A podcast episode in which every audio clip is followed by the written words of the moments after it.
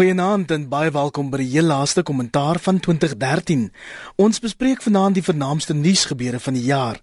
Suid-Afrika het sy mees geliefde seun, Nelson Mandela, verloor en dan was daar die nasionale diskurs oor sake in Kandla, die etolsage, nuwe politieke partye soos Agang en die EFF en ons bespreek buitelandse kwessies soos die rol van Edward Snowden en die tragiese gebeure in die Sentraal-Afrikaanse Republiek. My naam is Iver Price en die paneel vanaand, die politieke ontleder professor Andre Dievenage van die Noordwes Universiteit, rapport se redakteur Waldemar Pelser en die Sunday Times se parlementêre biroohoof Jan Jan Jubber.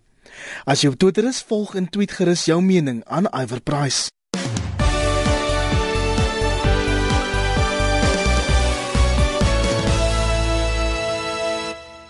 Meneer, ongetwyfeld die grootste nuusgebeurtenis van die jaar indien nie die Junie was oud-president Nelson Mandela se dood op die ouderdom van 95 en Waldemar, kom ons begin by jou. Nou dat die stof gaan lê het, hoe gaan jy dit onthou jare van nou af? Iwer, ek dink dat oud-president Mandela se dood het vir ons eh, het 'n spieël opgehou na wie ons geword het as 'n land. Um, en ek dink ons moet daai spieël nie wegsit in 'n kas nie. Ek dink ons moet ons gedurig toets teen die hoë standaarde wat hy gestel het, uh, veral morele standaarde vir watter tipe land ons wil wees. Um, en ek dink ons moet uh, onsself en ons leiers voortdurend daaraan hou. En Jan Jan, dit was ook 'n geleentheid vir die land om soveel leiers van ander wêrelddele te ontvang, soos Barack Obama van Amerika, Joyce Banda van Malawi. Maar ek wonder, wat is daai een Madiba Hildeblyk wat jy reken in die geskiedenisboeke behoort opgeteken te staan? Man, iwer ek gaan na twee kies. In die eerste kom van die mense self af en dit was buite die huis in Helton, die wyse waarop amper onmiddellik die roubeklag oor 'n lewe wat verby is 'n viering geword het van 'n lewe wat was en 'n belofte soos wat jy maar nou gesê het van wat 'n mens kan wees. So en hoe mense ingetrek is. Jy weet hoe dat mense oor ras en taalgrense heen ingetrek is daarso in een of ander vorm van opstuwing, maar wonderlike lekker positiewe opstuwing van Suid-Afrikanisme. En dan tweedens dink ek president Barack Obama het ons 'n reuse guns gedoen met die um toespraak wat hy gelewer het uh by die uh sokkerstadion in Soweto waar die waar die huldigingsdiens plaasgevind het. 'n Huldigingsdiens wat andersins vergeetlik sou gewees het, het deur hom nogal dink ek merkwaardig geraak.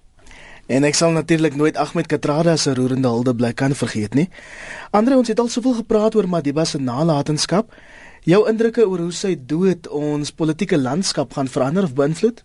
Wel, iwer is vir my baie duidelik, dit gaan 'n impak hê. Die impak kan positief wees vir die ANC as hulle korrek daarop inspel, maar die kontras tussen die nalatenskap en die nalatenskap van meneer Jacob Zuma se termyn op hierdie punt is baie konflikterend. In daai sin wil ek amper sê wat ek haal uit meneer Mandela uit is 'n rolmodel vir die toekoms en ook 'n stel kriteria waaraan ons die huidige situasie moet beoordeel. In daai sin mag hy gesterf het, maar sy rol gaan homself bly perpetueer in die Suid-Afrikaanse konteks. En dan was daar in Kandla, president Jacob Zuma se huis in KwaZulu-Natal, 'n bron van baie kollektiewe woede wat homself elke dag in spotprente en in duisende berigte reg oor die wêreld uitgespeel het. En Waldemar Lindiwe boeke van die DA het die regering se onlangs in Kandla verslag beskryf as 'n belediging vir Suid-Afrikaners intelligensie. Stem jy saam? Alhoewel ek doen, um, ons moet onthou die Nkandla storie kom natuurlik uit 2012 uit. Uh, die die aanvanklike berigte is toe al geskryf uh, wat onthul het presies hoeveel geld uh, bestee is um, om opgraderings by die huis te doen. En toe die jaar het dit net nie gaan lê nie. Ek dink die president het gehoop dit sou. Hy het die jaar natuurlik afgeskop baie sterk met 75% van die steen by Mangaung, jy weet hy het gedink hy gaan 'n goeie jaar hê. En Nkandla het so spoed opgetel dat dit een van die faktore is wat gelei het tot sy uitjouery by die uh, FNB stadion by Mandela se roudiens nou dag. Ehm um, en ek dink wat die land so geskok het is die regering se onvermoë om nie net uh oor die reëls te praat nie maar oor wat reg en verkeerd is. Die regering sal uh en ons sien dit baie gereeld gereeld sê nee die ministeriële handboek of uh die jy weet die jy weet die wet laat toe dat ons onbeperk bestee of daar is nie absolute beperkings op wat ons aan sekuriteit en so kan bestee by Nkandla nie. Wat die res van ons sê en wat gewone Suid-Afrikaners sê is dit gaan nie net oor wat jy mag doen nie. Dit gaan oor wat reg is in 'n land met soveel armoede. En daar's 'n absolute onsensitiwiteit um vir mense se persepsie van mense, hoe kan julle dink dit is oukei okay om 206 miljoen rand te spandeer op so 'n paleis? Uh daar in Kanla in in in tye soos die wat ons leef. So dit het nog steeds nie gaan lê nie die die in Kanla verslag natuurlik die finale weergawe kom Januarie uit groot bombshell natuurlik die Mail and Guardian daai voorlopige verslag um gelek het vroeër die maand wat gesê het die president het persoonlik aansienlike voordeel getrek en moontlik dat dit die parlement mislei het oor wie betaal het vir wat. En Jan Jan daar is steeds soveel druk op meneer Zuma om te bedank onder andere weens hierdie Nkandla verslag en die metaalwerkersvakbond Nomsa wat sterk geluide in daardie verband maak. Dink jy dit gaan nog gebeur voor die verkiesing? Glad nie. Nee, ek dink jy moet mense oppas om nie te dink dat daar meer druk op meneer Zuma is as wat daar is nie. Daar's baie druk op meneer Zuma van die mense wat van hom verskil. Maar mense moet onthou hoeveel mense met hom saamstem. Daar's nou verskeie peilings wat die afgelope 3 weke uitgekom het in die koerante en die Sondagkoerante. Ons het 2 weke gelede eintlik so die afgelope 2 weke Sunday Times bevind dat in 'n Markie Noord peiling wat wat uh, baie deeglike peiling was en korrek gelade peiling was, dat 51% van ANC ondersteunende selfverklaarde ANC ondersteunende mense uh meen dat uh die president uh behoort te bedank as gevolg van Kanda. Maar onthou 49% dink dit nie. En dis maar waar sy magsbalans sê. Die president gaan hom nie steur aan wat die oppositie sê in verband met sy bedanking nie. Terselfdertyd moet ek saamstem met jou um vroeëre opmerking dat Lindiwe Masibuko se rol in hierdie verband is uitstekend. Waldemar het korrek gesê dat die um aanvanklike inligting rondom Kandla is eintlik al lank in die openbare domein en daar moet ons alle eer gee aan ons ontslape en geliefde oud kollega Mandy Rousseau wat daai storie in 2010 al gebreek het. Maar die lank en kort is um binne die strukture van die ANC staan meneer Zuma baie baie sterk. Een uit elke 4 ANC-lede kom uit KwaZulu-Natal en um hy gaan nie hy gaan nie weggaan nie. Mense moenie nou op in die sand druk nie. Ek dink uh, ons het die gesprek 2 weke gelede gehad ook op die program. Andre uh, was daar saam dat uh, meneer Zuma staan baie sterk waar hy moet sterk staan. So die vraag is eintlik in watter mate gaan die mense wat ontevrede is met meneer Zuma, hulle rug draai op die strukture wat meneer Zuma in stand hou, wat die ANC is. En in daardie verband het daardie um, Markie Noordpeiling wat ons 2 weke gelede in die Sunday Times gehad het, bevind dat um daar eintlik nie 'n korrelaat is tussen mense se ontevredenheid met meneer Zuma en hulle gevoel teenoor die ANC nie. En dit is 'n interessante interessante veranderlike waar Andre homself seker lekker kan uitlaat want ek dink dis waar ons nou begin kyk na wat is die kern van die politiek van die land. Stem jy saam Andre? Ongetwyfeld ja. Dit is vir my baie duidelik dat die ANC as 'n organisasie op 'n ander vlak beoordeel word as sy politieke leierskap en spesifiek die posisie van Zuma is onder druk. Ons ken al die faktore van Gupta Gate en Kandla en die spionasiebande en elemente van die wapenskandaal plus 'n klomp swak besluite en so meer. Maar feit bly bestaan, Zuma het steeds beheer op die politieke elite binne die ANC. En ek dink op hierdie stadium is die politieke elite se rol baie deurslaggewend en gaan dit ook deurslaggewend wees na die 2014 verkiesing. Om net vinnig weer daai magsbasisse te noem, dit sluit in die nasionale uitvoerende komitee van die ANC, dit sluit in die werkkomitee. Dit sluit in die grootste provinsies veral KwaZulu-Natal waar Zuma uitgebreide steun het, maar ook talle ander provinsiale omgewings. Dit sluit in die veiligheidssektor, die sogenaamde security cluster. So ek dink ten spyte van die groter wordende druk op Zuma, gaan Jacob Zuma na die verkiesing toe. Hy behoort deur die verkiesing te kom en daarna verwag ek dat daar besluite oor sy toekoms geneem sal word. Die Nkandla ding het hom baie sleg geraak. Dit gaan die ANC raak en my waarneming is en bly dat hierdie tipe faktore die ANC kan neem onder 'n 60% in die 2014 verkiesing. En Waldemar die openbare beskermer advokaat Tuli Madonsela loop eintlik so hand aan hand met meneer Zuma as een van die groot nuusmakers van die jaar. Inderdaad, Iwer, ek dink sy het uh, op nie respek afgedwing onder baie Suid-Afrikaners. Daar was uh, hier en daar 'n omstrede bevinding, ek weet veral rondom advokaat Pandit Lakula van die van die verkiesingskommissie, uh, maar uh, die lig het skerp op uh, advokaat Mandonsela geskyn hoofsaaklik danksy of weens Nkandla en dit is nie verby nie. Dit bereik 'n hoogtepunt eintlik in Januarie met die vrystelling soos vroeër genoem um, van haar finale verslag. En ek dink baie uh, mense het vroeg in die jaar gewonder of sy die einde van die jaar nog in haar pos gaan wees. Weet sy klou nou verbeter vas. Sy het vir ons hierdie week gesê hierdie was die tafste jaar wat sy nog gehad het van haar 4 jaar as openbare beskermer. Ek dink ehm um, Ja, net sal my kan reghelp, maar ek dink sy het 'n 7 jaar termyn, jy weet, so sy sy gaan nog 'n rukkie daar wees, behalwe sy eh, ek dink dit is baie openbare steun. Sy het geniet baie openbare steun. Ek dink nie sal sommer van haar ontslaak kan raak nie. Ehm um, maar inderdaad het sy, weet as een van hierdie ehm um, uh, hoofstuk 9 in die grondwet instellings wat wat onafhanklik die staat verantwoordbaar moet hou baie gedoen om vertroue in van hierdie dis ook 'n regeringsstruktuur daai, jy weet dis of dis 'n staatsstruktuur om om om vertroue daarin uh, te behou. Wat nie maar is reg en is dit nie wonderlik daai punt wat hy aanhaal of aanraak dat ehm um, dit is 'n staatsinstelling sonder om 'n regeringsinstelling te wees nie. Ehm um, die 7 jaar termyn is bykans onmoontlik om eintlik ehm um, te verkort.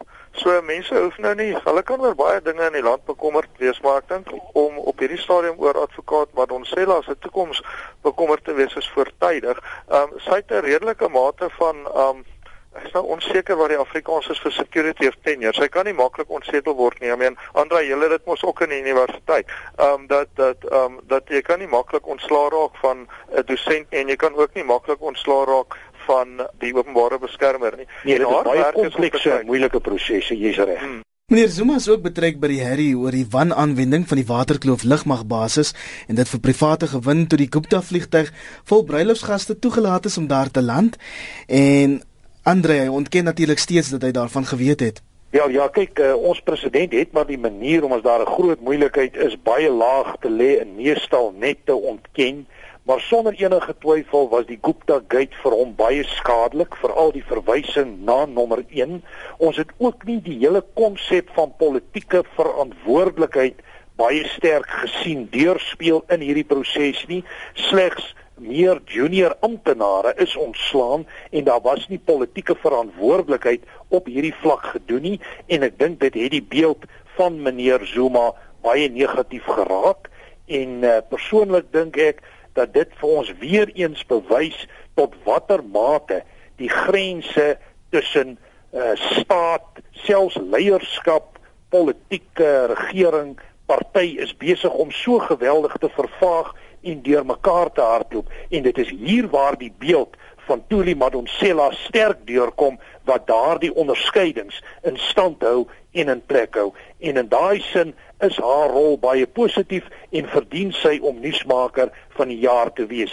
Maar in die algemeen staan Gupta Gate saam met 'n klomp ander faktore in die teken van 'n baie negatiewe en omstrede jaar van 2013 waarin meneer Jacob Zuma baie sentraal figureer. Om die waarheid te sê, dit het ook tot die totstandkoming van twee nuwe politieke partye gelei, waaronder Agang en die Ekonomiese Vryheidsvegters. Kom ons begin met Malema se EFF. En Waldemar in die begin het soveel mense die idee afgeskiet en Malema afgeskiet, maar nou lyk dit of hy tot 10% kan trek by volgende jaar se verkiesing. Ivory, ja, ek weet ons almal het ons al skuldig gemaak aan voorspellings, dis um, onweerstaanbaar om te dink wat gaan gebeur in die verkiesing volgende jaar. Maar soos jy sê, Malema is voortydig dood verklaar. Ek dink dit was 'n tyd toe uh, sy ANC loopbaan in die hek begin duik het, toe ons almal gedink het wel dis nou verby wel wetende dat die kwessies waaroor Malema so uh, wel jy weet so, so gereeld gepraat het nie weggegaan het nie. Jy weet daar's uh, daar's ehm um, daar's uh, jy weet die ongelykhede, die ekonomiese ontmagtiging en so aan. Daai kwessies het nie weggegaan nie. So man, Malema het baie vrugbare teelaarde waarop hy nou waarop hy nou sy politieke plantjies plant. Ehm um, die EFF het uh heelwat momentum opgebou die laaste paar maande. Ehm um, daar is 'n uh, groot reeks voorspellings vir wat hulle kan doen volgende jaar. Aan die bokant van die skaal is 10%. Aan die onderkant ek het min mense teëgekom wat op minder as 3% uh wat op wat wat hulle steun op minder as 3% um reken. 'n Peiling vroeër vanjaar het natuurlik gesê dat binne Kusatu is daar 65% van Kusatu lede sal vir 'n ander party stem. So mense mense weet nie regtig nie. Ek dink nie hulle sal 'n groot speler wees nie, maar die DA se interne peilings wys volgens ons bronne vir hulle dat die EFF dalk die tweede grootste oppositieparty in die parlement kan wees na April. So inderdaad, there it is, die EFF is 'n speler. Jan Jan, stem jy saam? Waar wil jy 'n voorspelling wag tussen 3 en 10%? Ja, ek is een van daai mense wat vroeg voorspellings wag nie. Um, Daar's 'n um, ding wat mense vergeet. Elke keer is nogal snaaks. Um, ons het redelik gereeld verkiesings, maar in die laaste 3 weke voor elke verkiesing verander die voorspellings heeltemal. Want die meesters um, skuif van die ANC is telkens om die um mense wat oorweeg om vir ander partye te stem, um te kry om vir hulle te stem. Ek weet hulle druk die DA ontsettend onder swart kiesers in daai laaste 3 weke voor die verkiesing. Wat beteken peilings is korrek soos wat ons nou hier sit, maar dan verander omstandighede. Nou wat die EFF aanbetref, hulle is fascinerend omdat hulle die eerste anti-grondwetlike party is in ons hoofstroom politiek.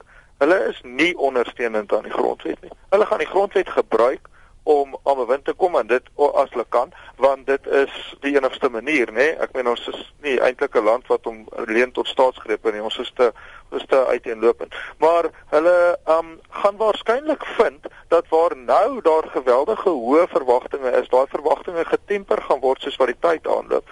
En die vraag is in 'n sekere sin hoe gaan die ANC hierdie um verkiesing benader? Hulle het 'n groeiende oppositie aan die liberale kant die DA en aan die anti-grondwetlike kant die EFF en jy kan eintlik twee fronte nie gelykmatig stry nie. So ons gaan moet kyk watter ANC staan sterker hier. So hulle is bietjie die nasionale party was net 80er jare toe hy teen die uh, PFP en die DP moes veg aan die aan die liberale kant en teen die KP aan die meer reaksionêre kant. Uh dit maak 'n party se taak baie moeilik. Ek het 'n gedagte daar's soveel slegte bloed of slegte gevoel tussen die ANC en die EFF dat dit daai tipe broedertwis politiek gaan word wat ons van die NP en die KP geken het. En dit gaan miskien vir die DA die geleentheid skep hoewel Waldemar hulle se inligting strook met ons inligting naamlik dat die um, dat die DA se interne peilings wys dat waar ontevrede veral swart kiesers gekyk het na die DA as 'n alternatief tot die ANC is hulle steeds ontevrede met die ANC maar baie van hulle kyk nou na die EFF as 'n alternatief. So ek dink dit is um, op hierdie stadium te verwag dat die EFF veral gegee word die swak stand van die ander klein oppositiepartye heel moontlik wel in die derde plek sal inskuif en dis vir Koup en Inkatha sal uitskouer. Andre, wat is dit van Malema wat soveel aanklank vind by die massas daar buite? Dis eintlik die, die stemloses. Eiwer net vinnig voor ek jou daar antwoord 'n opmerking oor wat Jan Jan sê is baie waar.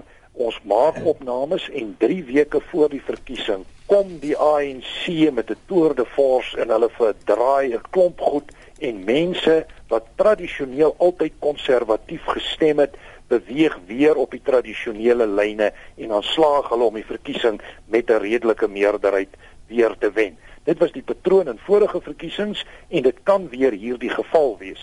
Maar ek dink wat hier belangrik is om te noem is dat oppositiepolitiek is besig om te rekonfigureer en daar's geen twyfel dat die vryheidsvegters links van sentrum in 'n mark inspeel met groot potensiaal. Ek is op rekord dat ek reken dat hulle hier 4-5% behoort te kry, maar laat die potensiële mark tot hierso na 10% se kant toe kan gaan veral as hulle saamwerk met ander groepe soos die workers and socialist parties, die democratic left en die kragte wat nou begin te losraak binne die konteks van Kossatu. Hier dink my spesifiek aan Zwelinzima, Wawi, jy dink aan Nomsa en so aan. Wat ek wel verwag is dat die ANC beleidsgewys meer progressief na die linkerkant toe homself gaan plaas ten einde hierdie faktor van die EFF te probeer teenwerk. Meer spesifiek om jou te antwoord met betrekking tot Julius Malema, hy's gewoon 'n charismatiese persoon wat 'n appel maak op die voetsoolvlak. En hy het 'n hele paar blaadjies geneem uit die boek van ironies genoeg Jacob Zuma en hy woeker baie sterk daarmee. Ek het van die begin af gesê dat hulle Zuma uit die ANC kan haal ag vir, vir Malema uit die ANC kan haal, maar hulle kan baie moeilik vir Malema polities vervang en ons sien nou sy terugspeel binne die Suid-Afrikaanse konteks.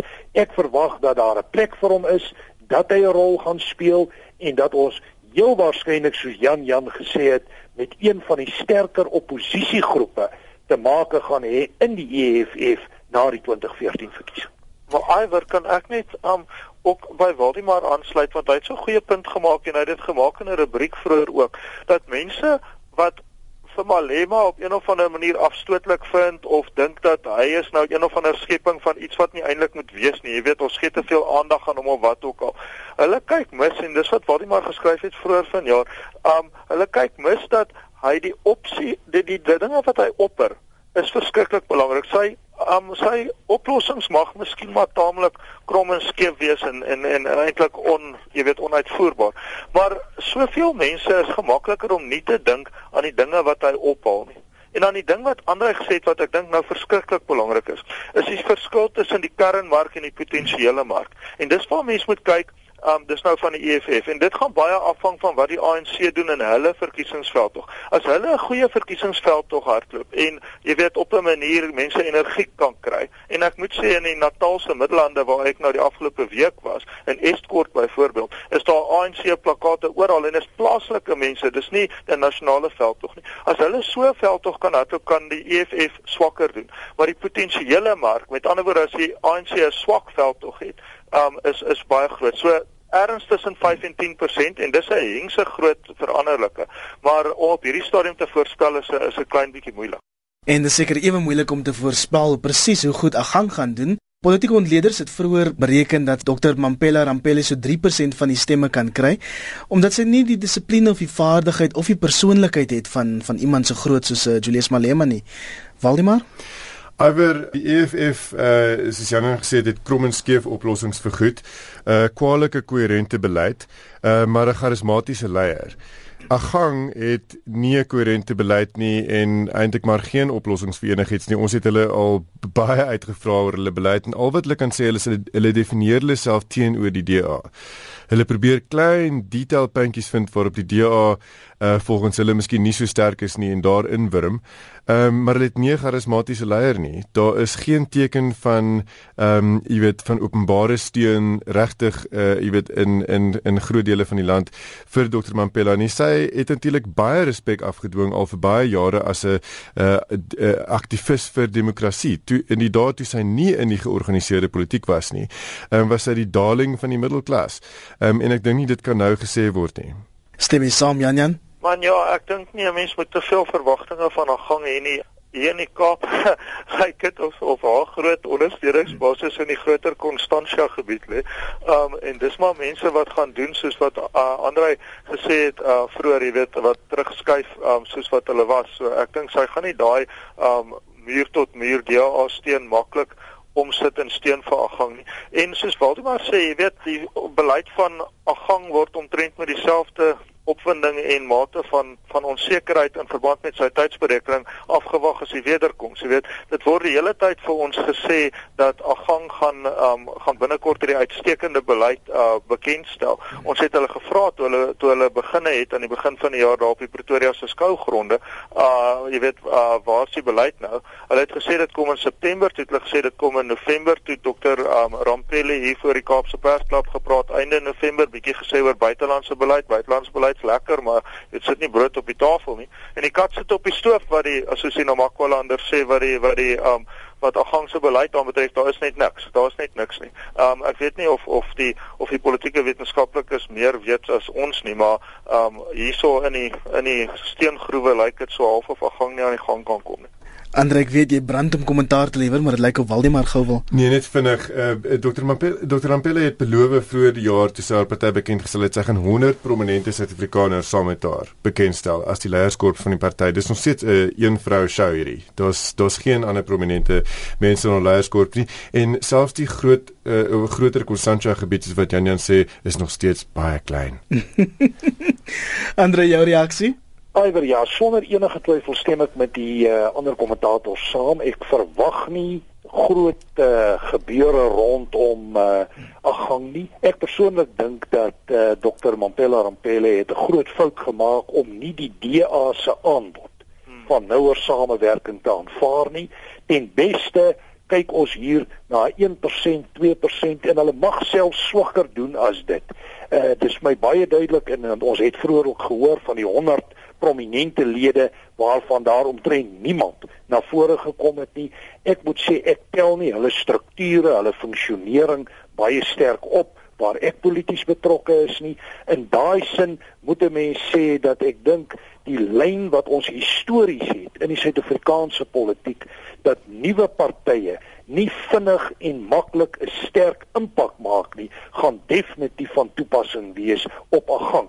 Ek dink hier verskil die vryheidsvegters 'n bietjie gegee hulle posisionering en hulle strategie en verwag ek dat die vryheidsvegters meer in lyn met die Cope dinamiek gaan funksioneer soos wat Cope uh, voor die vorige verkiesing 'n redelike sterk momentum opgebou het en bepaalde steunvlakke kon lewer, maar ek dink nie 'n gang is daar nie.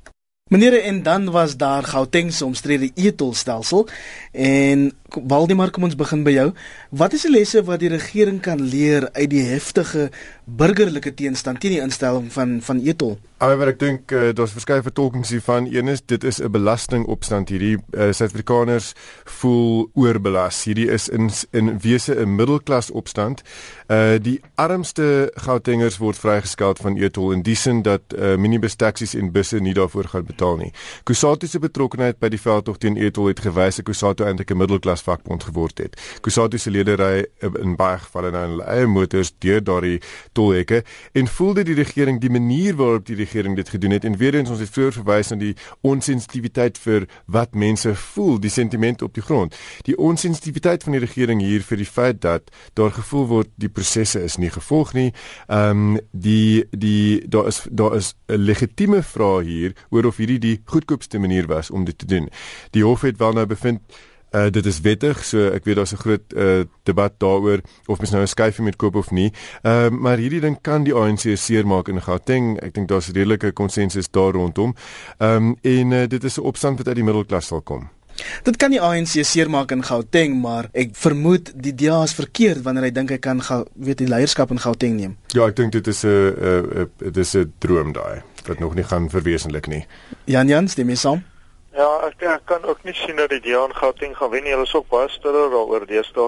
Hulle bou wel af vir hulle 'n uh, interessante figuur in Musi Maimani. Ons hou hom dop by die Kaap uit. Maar uh, dit um die hele etol effek in die Weskaap is dat dit mense maar dankbaar maak dat, dat ons regering hierso nie ten gunste is daarvan nie. Um en um ek dink dat Waldemar daar gesê het is so half as 'n as 'n as 'n sydelingse opmerking maar is so kernbelangrik vir ons land se politiek op die oomblik is hoe dat dit wys dat Kusatu 'n uh, ek hou van hierdie woord 'n middelklas vakbond geword 'n middelklas vakbond. Dis ek wonder of solidariteit nou gaan moet oor hulle skouer kyk, maar ehm um, daardie hele dinamika het was van die etol was nie ehm um, onbelangrik in wat in Kusatu aan die gebeur is nie. Want dit het Zwelenzima Wawi geplaas teen die nasionale unie van mynwerkers en het die metaalwerkers vakbond saam met Wawi geplaas en um en die en die uh, mynwerkers op 'n manier um geïsoleer nê so um ek geniet hierdie middelklas vakbond term dit is dis 'n nuwe een goeie een. En ander die publiek is eintlik ook keelvol daarvoor dat geld van die belastingbetaler so onnodig op so groot skaal eintlik verkoos word Iwer sonder enige twyfel as ons heeltemal kyk na na die etol en kan vaar jy's nou met die etol nog besig. Ja. Dan uh, gaan ons ongetwyfeld 'n situasie sien waar daar weerstand gaan kom. Die ANC gaan hiervoor 'n prys betaal, maar ek wil heeltemal saamstem. Ek dink nie die ANC gaan Gauteng verloor nie. Dalk 'n verlaagde meerderheid maar ongetwyfeld nie in 'n situasie waar 'n koalisie van partye maklik 'n meerderheid gaan kry teen die ANC nie. Wat ek nie kan verstaan nie is hoekom die ANC die hele etol ding so swak bestuur het, die tydsberekening van die aankondiging en ook dan met al hierdie konflikte wat binne Kossatu woed, wat die ANC baie seer kan maak. Waarom het hulle die etol ding nie anderster bestuur vanuit hulle eie hoogpunt gesien nie?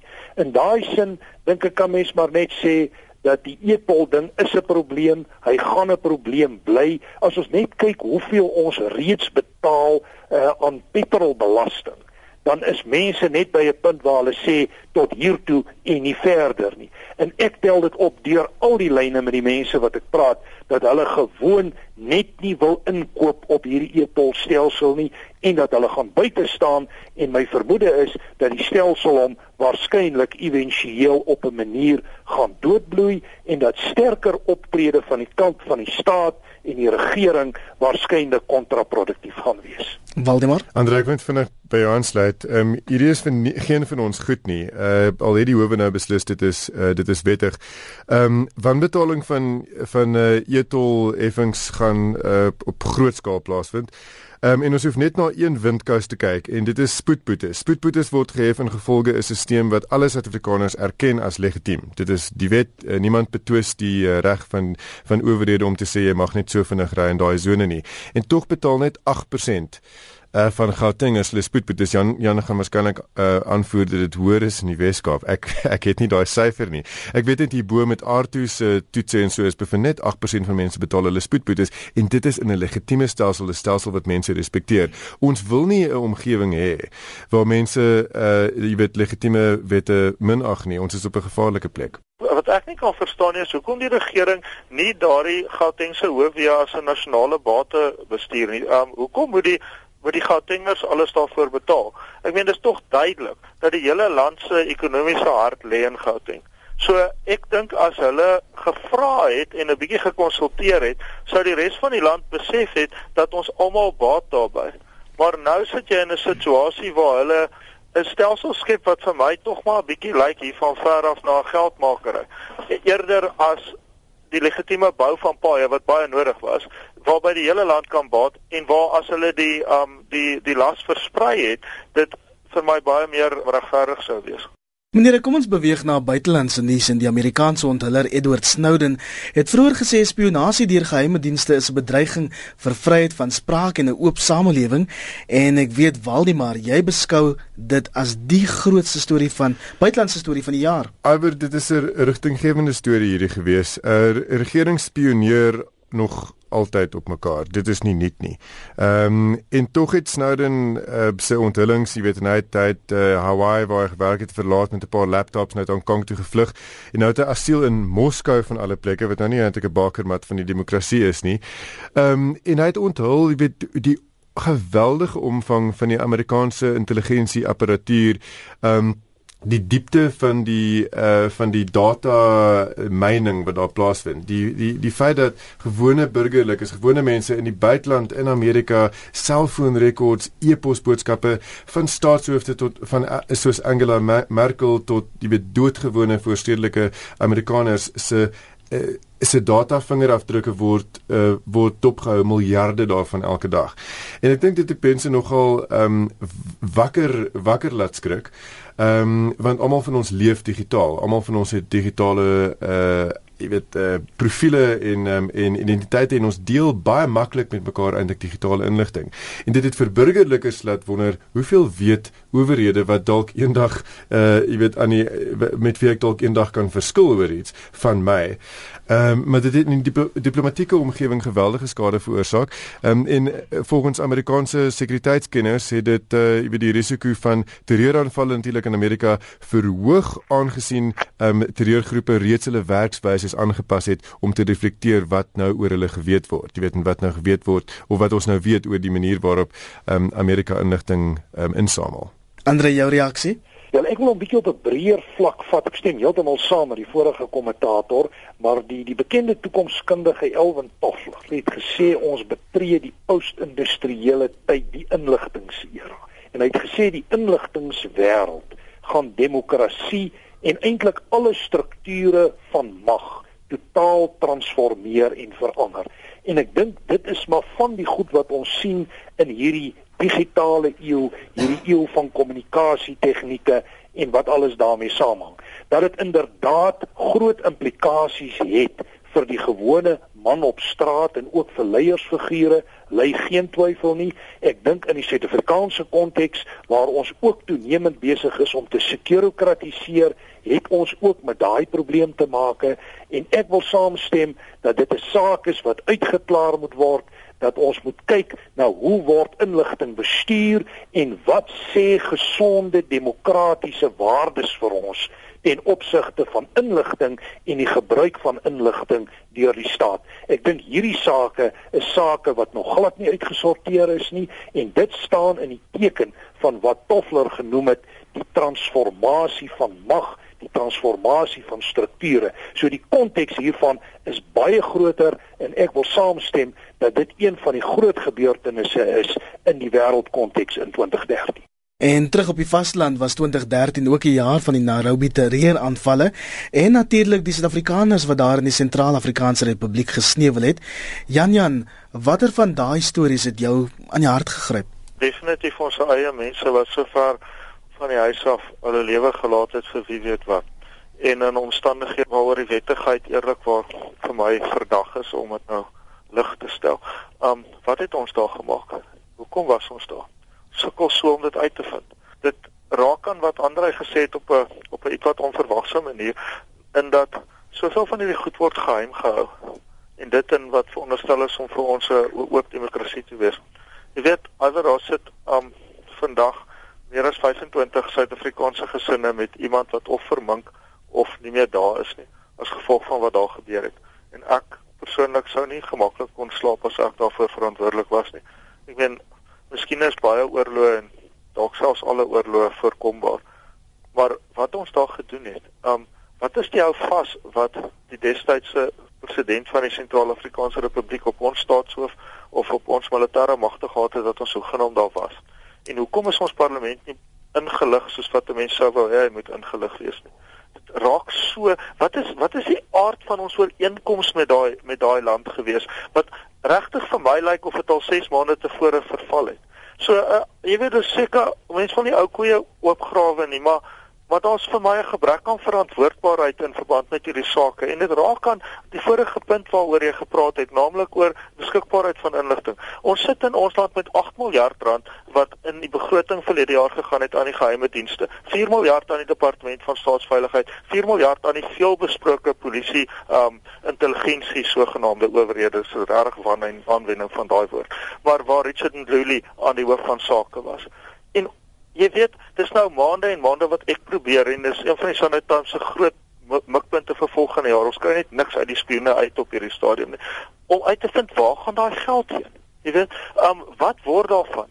So dis ons moet meer openlikheid hê ons moet 'n dapper nuwe wêreld skep as ek 'n vroeëre Alvin Toffler aanhaling kan gebruik nê om tog maar meer uit te vind want mense gaan doodgaan wanneer mense nie weet wat aangaan in die mense wat ma, uh, wat mag het se koppe nie. En as hulle nie verantwoordbaar aan jou gehou kan word nie. So ek stem saam met Waldemar se baie belangrike storie. Nie net internasionaal nie maar ook hier by ons Maar net ons moet tog net kyk alles wat Jan sê is waar en dit is verskriklik belangrik omdat lewens op die spel is dit wanneer besluite oor die ontplooiing van uh, ons magte elders uh, of die aanwending van hulle hoe genaamd geneem word um, dat dit agterna behoorlik verduidelik en verantwoord kan word.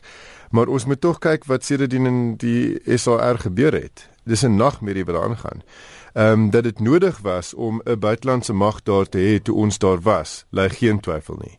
En hoe dit gebeur het, weet ons nie. Diep problematies, ek het geen twyfel daaroor nie. Maar om 'n man te beskerm wat nie 'n demokraat was nie. Frans Bozize wat nou in Parys sit in 'n luxe hotel, jy weet, en sy miljoene uitleef. Hy was nie 'n demokraat nie.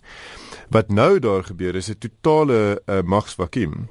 Ehm um, in 'n uh, 'n 'n vieslike burgeroorlog. Ehm um, die stories wat uit Bangui uitkom uh, waar ons daai 13 manskappe verloor het in in in in Maart is absoluut skokkend. En so uh, wanneer ons jy weet dit dat ons moet omgee oor wat gebeur in die res van ons vasteland, dit is noodsaaklik. Ehm um, dat ons uh, met 'n mate van solidariteit voel om te voel ons het 'n verpligting as 'n moondheid in Afrika om waar ons kan en waar daar 'n exit plan is en waar daar 'n plan is om stabiliteit te verseker om betrokke te raak. Maar hoe daai besluite geneem is, ehm um, dit ek weet nie of dit ons dit ooit gaan weet nie, maar inderdaad ons moet krap. Andre, die laaste woord behoort aan jou. Wel, iwer ek kan maar net sê dat Afrika het vir my gedurende 2013 baie onstabiel geword en wat ons in die Sentraal-Afrikaanse Republiek sien uitspeel dit is ook waar van ander omgewings. En as Suid-Afrika 'n rol wil speel van die stabiliseerder van die vasteland, dan dink ek kan hy 'n hele paar lesse neem uit die foute wat hy hierdie jaar gemaak het, veral ten opsigte van die Sentraal-Afrikaanse Republiek. Ek dink dat eh uh, wat ons op die oomblik sien uitspeel in talle omgewings. Ons het van die Kenia saak vroeër na verwys. Ons kan kyk wat in uh, Sudan en hierdie omgewings uitspeel is baie negatief vir Afrika en ek dink hier wag groot uitdagings op Afrika in 2014 waarvan die Sentraal-Afrikaanse Republiek vanuit 'n Suid-Afrikaanse hoek vir ons 'n paar belangrike lesse gegee het waarop ons moet werk vorentoe en definitief op kan verbeter. En dit dan ons laaste kommentaar vir 2013. My naam is Iver Price en die paneel vanaand is die politieke ontleder professor Andre Dievenage van die Noordwes Universiteit. Goeienaand Andre. Naand Iver en dankie kollegas. Rapport se redakteur Waldimar Pelser. Goeienaand Iver, baie dankie. En die Sunday Times se parlementêre birou of Jan Jan Nieuwberg. Goeienaand Iver en uh, baie gelukkige nuwe jaar vir al ons luisteraars. Geseënde nuwe jaar. Totsiens.